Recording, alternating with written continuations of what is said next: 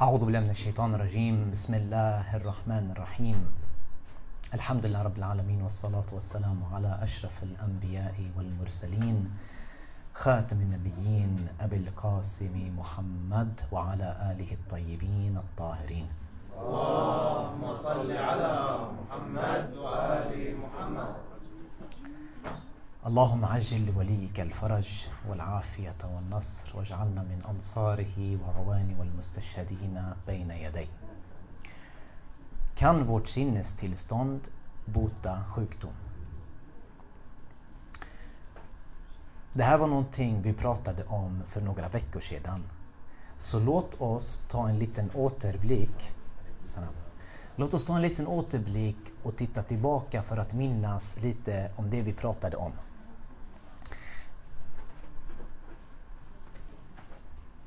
Vi pratade om placeboeffekten om ni kommer ihåg, eller hur? Det vi sa om placeboeffekten, det var att den var en väldigt spännande effekt som kunde göra att den påverkade vårt fysiska tillstånd, vår, vårt kroppsliga tillstånd. Till den graden att den till och med, vad kunde den göra? Den kunde bota och läka sjukdomar. Bota och läka sjukdomar, på vilket sätt då? För att det var någonting placebo gjorde med oss. Placebo, vad gjorde den? Den gav oss en tro, en mycket stark tro. Så att den här tron gjorde att den hjälpte till att fungera som att när jag tror på att, att en behandling kommer att hjälpa eller jag tror på att en medicin kommer hjälpa så kunde den till och med göra mig frisk fastän jag inte tog någon medicin. Jag tog kanske bara ett sockerpiller eller saltlösning. Börjar ni minnas nu? Tillbaka. Om ni minns skicka salat.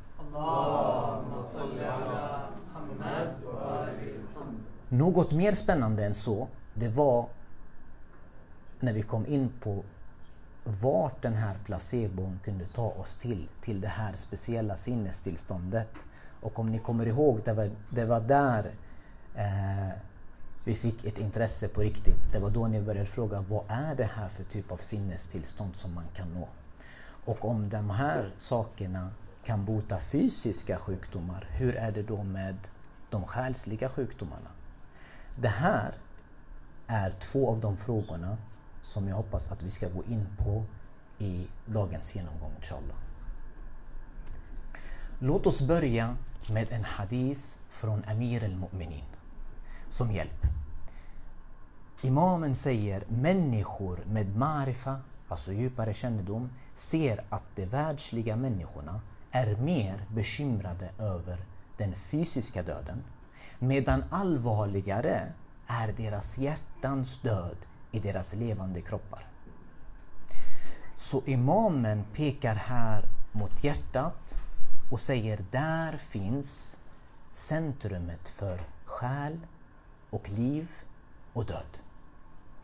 Men vad är det här för typ av hjärta som kan vara död och kroppen vara levande? Hur kan kroppen vara levande med ett dött hjärta?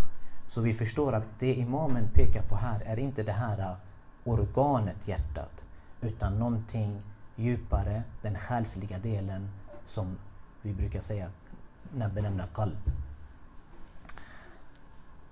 Så min väg till det här speciella sinnestillståndet, den ska gå genom kalb. Jag behöver ta mig genom kalb för att nå det här speciella sinnestillståndet. Men vad gör att den här kalben får liv och vad gör att den kan dö? Är det någon som röker här? Alhamdulillah, ingen röker. Inshallah, ingen av er kommer i närheten av rökning. Ni vet rökning, det kan skapa eh, mörka hålrum i lungorna.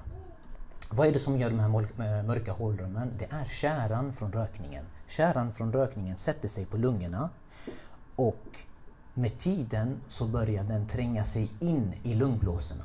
Vad händer med oss då?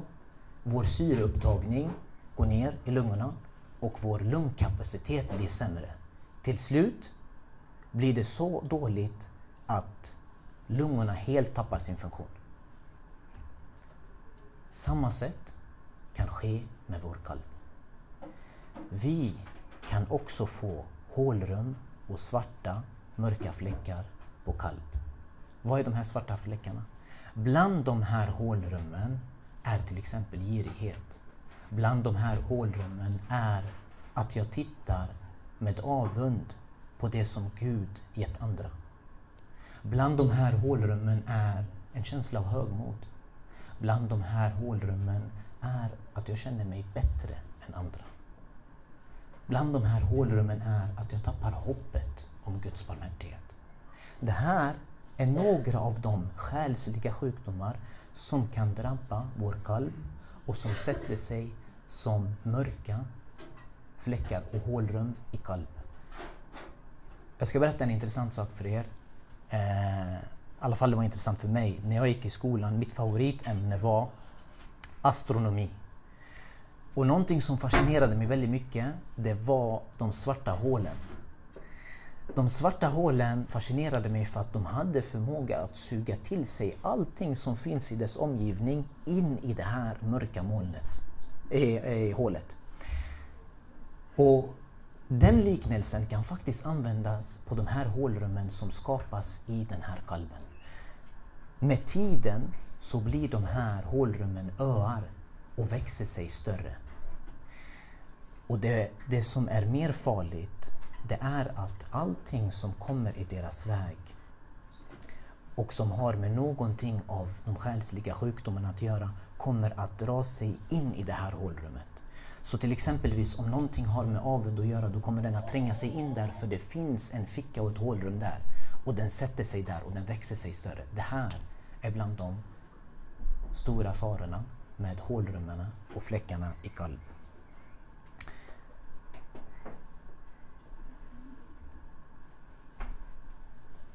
Våra lärda brukar använda ett, en benämning. En benämning på när de här svarta hålrummen blir så mycket, så mycket som att de tappar sin funktion. Alltså kalv tappar sin funktion. Precis som lungan tappade sin funktion, tappar kalv sin funktion. Och de kallar den för tataba al-kalb. Tataba al-kalb, då syftar de på att hjärtat tar formen av själva sjukdomen som finns. Och den här är jättefarlig. Vad är tecknet på ett sjukt hjärta? Tecknet på ett sjukt hjärta är ett låst och stängt hjärta. Vad betyder tatbia? Tatbia betyder att den har blivit så mörkt så det finns inget ljus kvar i den. Och vad är tecknet på detta mörker? Att jag inte kan längre göra tatbir, alltså jag förstår mig inte på Guds ord. Summon bukmun, umyun. Jag förstår inte Guds barmhärtighet. Jag förstår inte på mig Guds ljus längre. Hur kan jag då få en frisk kalb? Ni vet, ett av kalbs karaktärer är att den går upp och ner. Den går upp och ner. Det är en del av dess karaktär. Man brukar säga att den fluktuerar. I ena stunden, ena dagen känner vi oss mer andliga och i andra stunder och andra tider känner vi oss mindre andliga. Jag tror många av oss har känt igen detta, eller hur? Har ni känt igen detta? Att man går i de här vågorna ibland. Vet ni varför det blir så? Har ni tänkt på det, varför det blir så? Man kan säga ibland, man säger att hjärtat, det är som en metall. Och dunja och akhira är som magneter. Och vad gör magneter? De drar metallen, eller hur? Beroende på var vi är i dunja eller akhira så dras min kalb till de här fälten.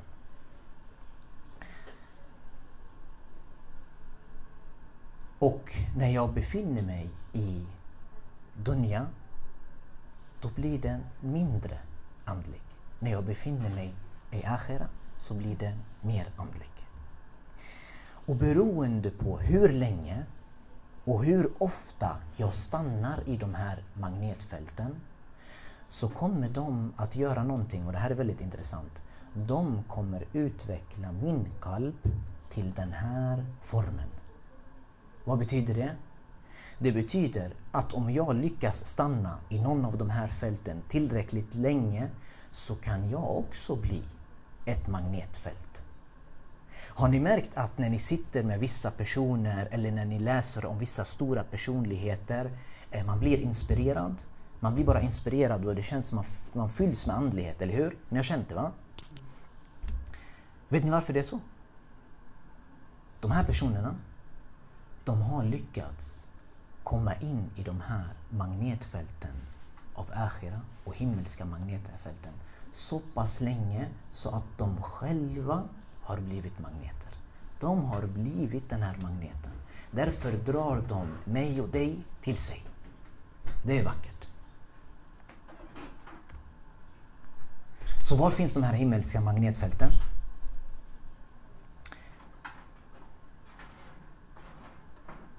Hur känns det efter att ha varit på en speciell resa? Är det någon här som har varit på en ziara eller någon speciell plats nyligen? Räck upp en hand.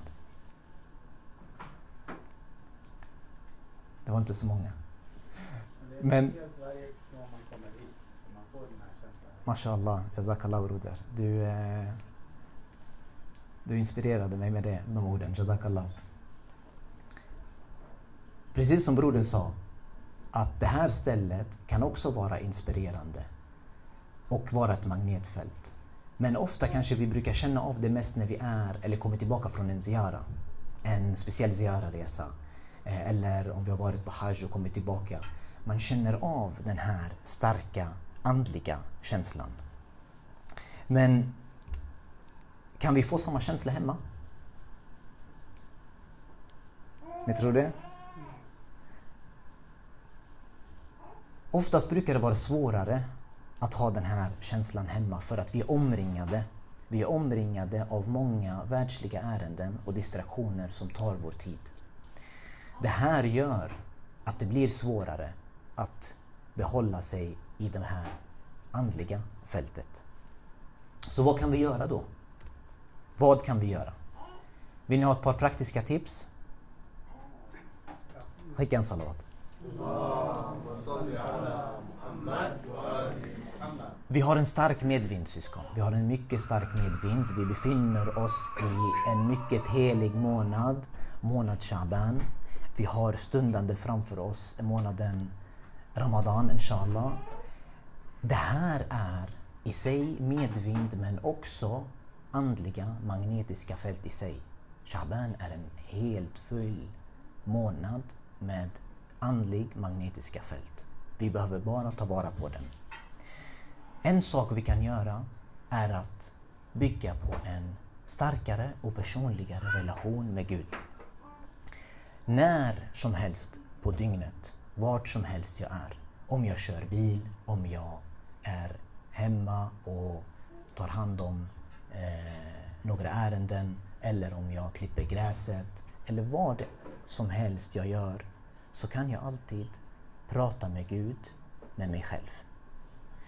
Och det är inte viktigt, och jag ska inte fastna vid att vad ska jag säga? Utan det viktiga är att hålla den här kommunikationen.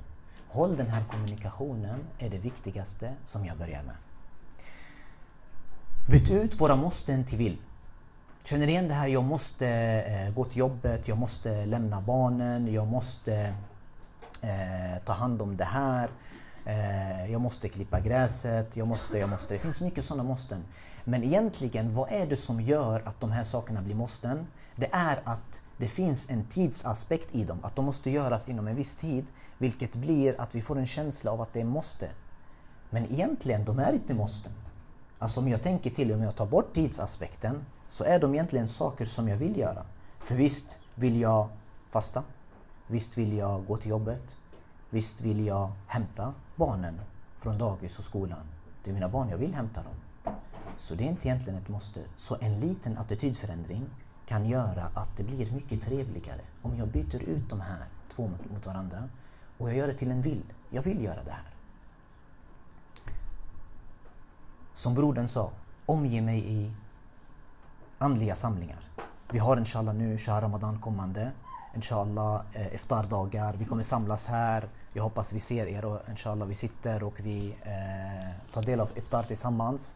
Eh, och inshallah också eh, planer för eh, Laylat al-Qadr-program som brukar vara eh, väldigt populärt. Eh, så inshallah, de här är egentligen stunder och samlingar av de här andliga fälten som vi ska nyttja och använda. Och det är därför många av våra alama de säger att verkligen kom till Majalis, kom till Majalis Abba Abdullah, kom till Majalis, befinn er i de här sakerna. Det är inte samma sak som att titta på TV eller så vidare utan verkligen att befinna sig i de här platserna har stor betydelse. Och det förstår vi också mer när man tänker på de här magnetiska fälten som vi ska omge oss av. Icke-mahram. Valet av våra vänner och vilka vi umgås med är väldigt, väldigt viktigt. Ibland kan de jag umgås med ta mig till det högsta och bästa. Ibland kan de jag umgås med, om de är dåliga, ha dåligt inflytande på mig och ta mig till det låga och lägsta. Alhamdulillah, ingen här umgås med icke-mahram. Alhamdulillah. Men vad betyder icke-mahram? Icke-mahram betyder den är inte halal för mig. Eller hur? Varifrån kommer ordet mahram? Det kommer från haram. Haram är någonting heligt. Någonting heligt. Min haram är helig för mig. Din haram är helig för dig. Broderns haram är helig för honom. Men var finns Guds haram? Guds haram finns i din och min kalb. Här finns den. I min och din kalb. Om haram Allah finns i min och din kalb, vem annan än han har rätt och tillåtelse att vara i den haram? Den här månaden syskon som kommer så ska allting och all uppmärksamhet som tar mig bort från honom bli icke-mahram för mig. Skicka en salat. Sätt ett mål. Till exempelvis att eh, jag ska be i tid, jag ska skicka mer salam till Ahlul Bayt. De här sakerna är jätteviktiga. Men vill ni höra en ärlig sanning om kalb? Vill ni höra en ärlig sanning om kalb? Vi kan få den bästa och mest friska av kalb. Men vet ni vad problemet är? Problemet är, så fort jag lär mig vad jag borde göra, jag borde bygga en bättre relation med Gud, jag borde be i tid, jag borde Jag borde, jag borde skicka mer salam till Ahlul Bayt. Så fort jag börjar med de här listan så skapas en mental checklista inom mig. Den här mentala checklistan inom mig gör att det blir en tyngd om jag inte gör den. Det blir svårt. Vet ni varför det blir så? Det blir så för att den här checklistan, den är bra, men den räcker inte. Den tar mig inte hela vägen. Den är en del av resan, men den är inte hela resan. Den andra delen av resan syskon som är betydligt viktigare, den är acceptans. Acceptera var jag är nu. Acceptera vem jag är. Acceptera mina små och stora framgångar. Acceptera att ta lärdom av mina misstag. Acceptera av att leva i nuet. För faktum är att depression, sorg, ångest och bekymmer kommer från att jag inte accepterar mitt förflutna. Rädsla, oro, fruktan och ängslan kommer från att jag inte accepterar framtiden. Utmattning och trötthet kommer från att jag inte accepterar nuet. Vi ser att de flesta av de här själsliga sjukdomarna bottnar i en och samma sak. Acceptans. Så hur accepterar jag?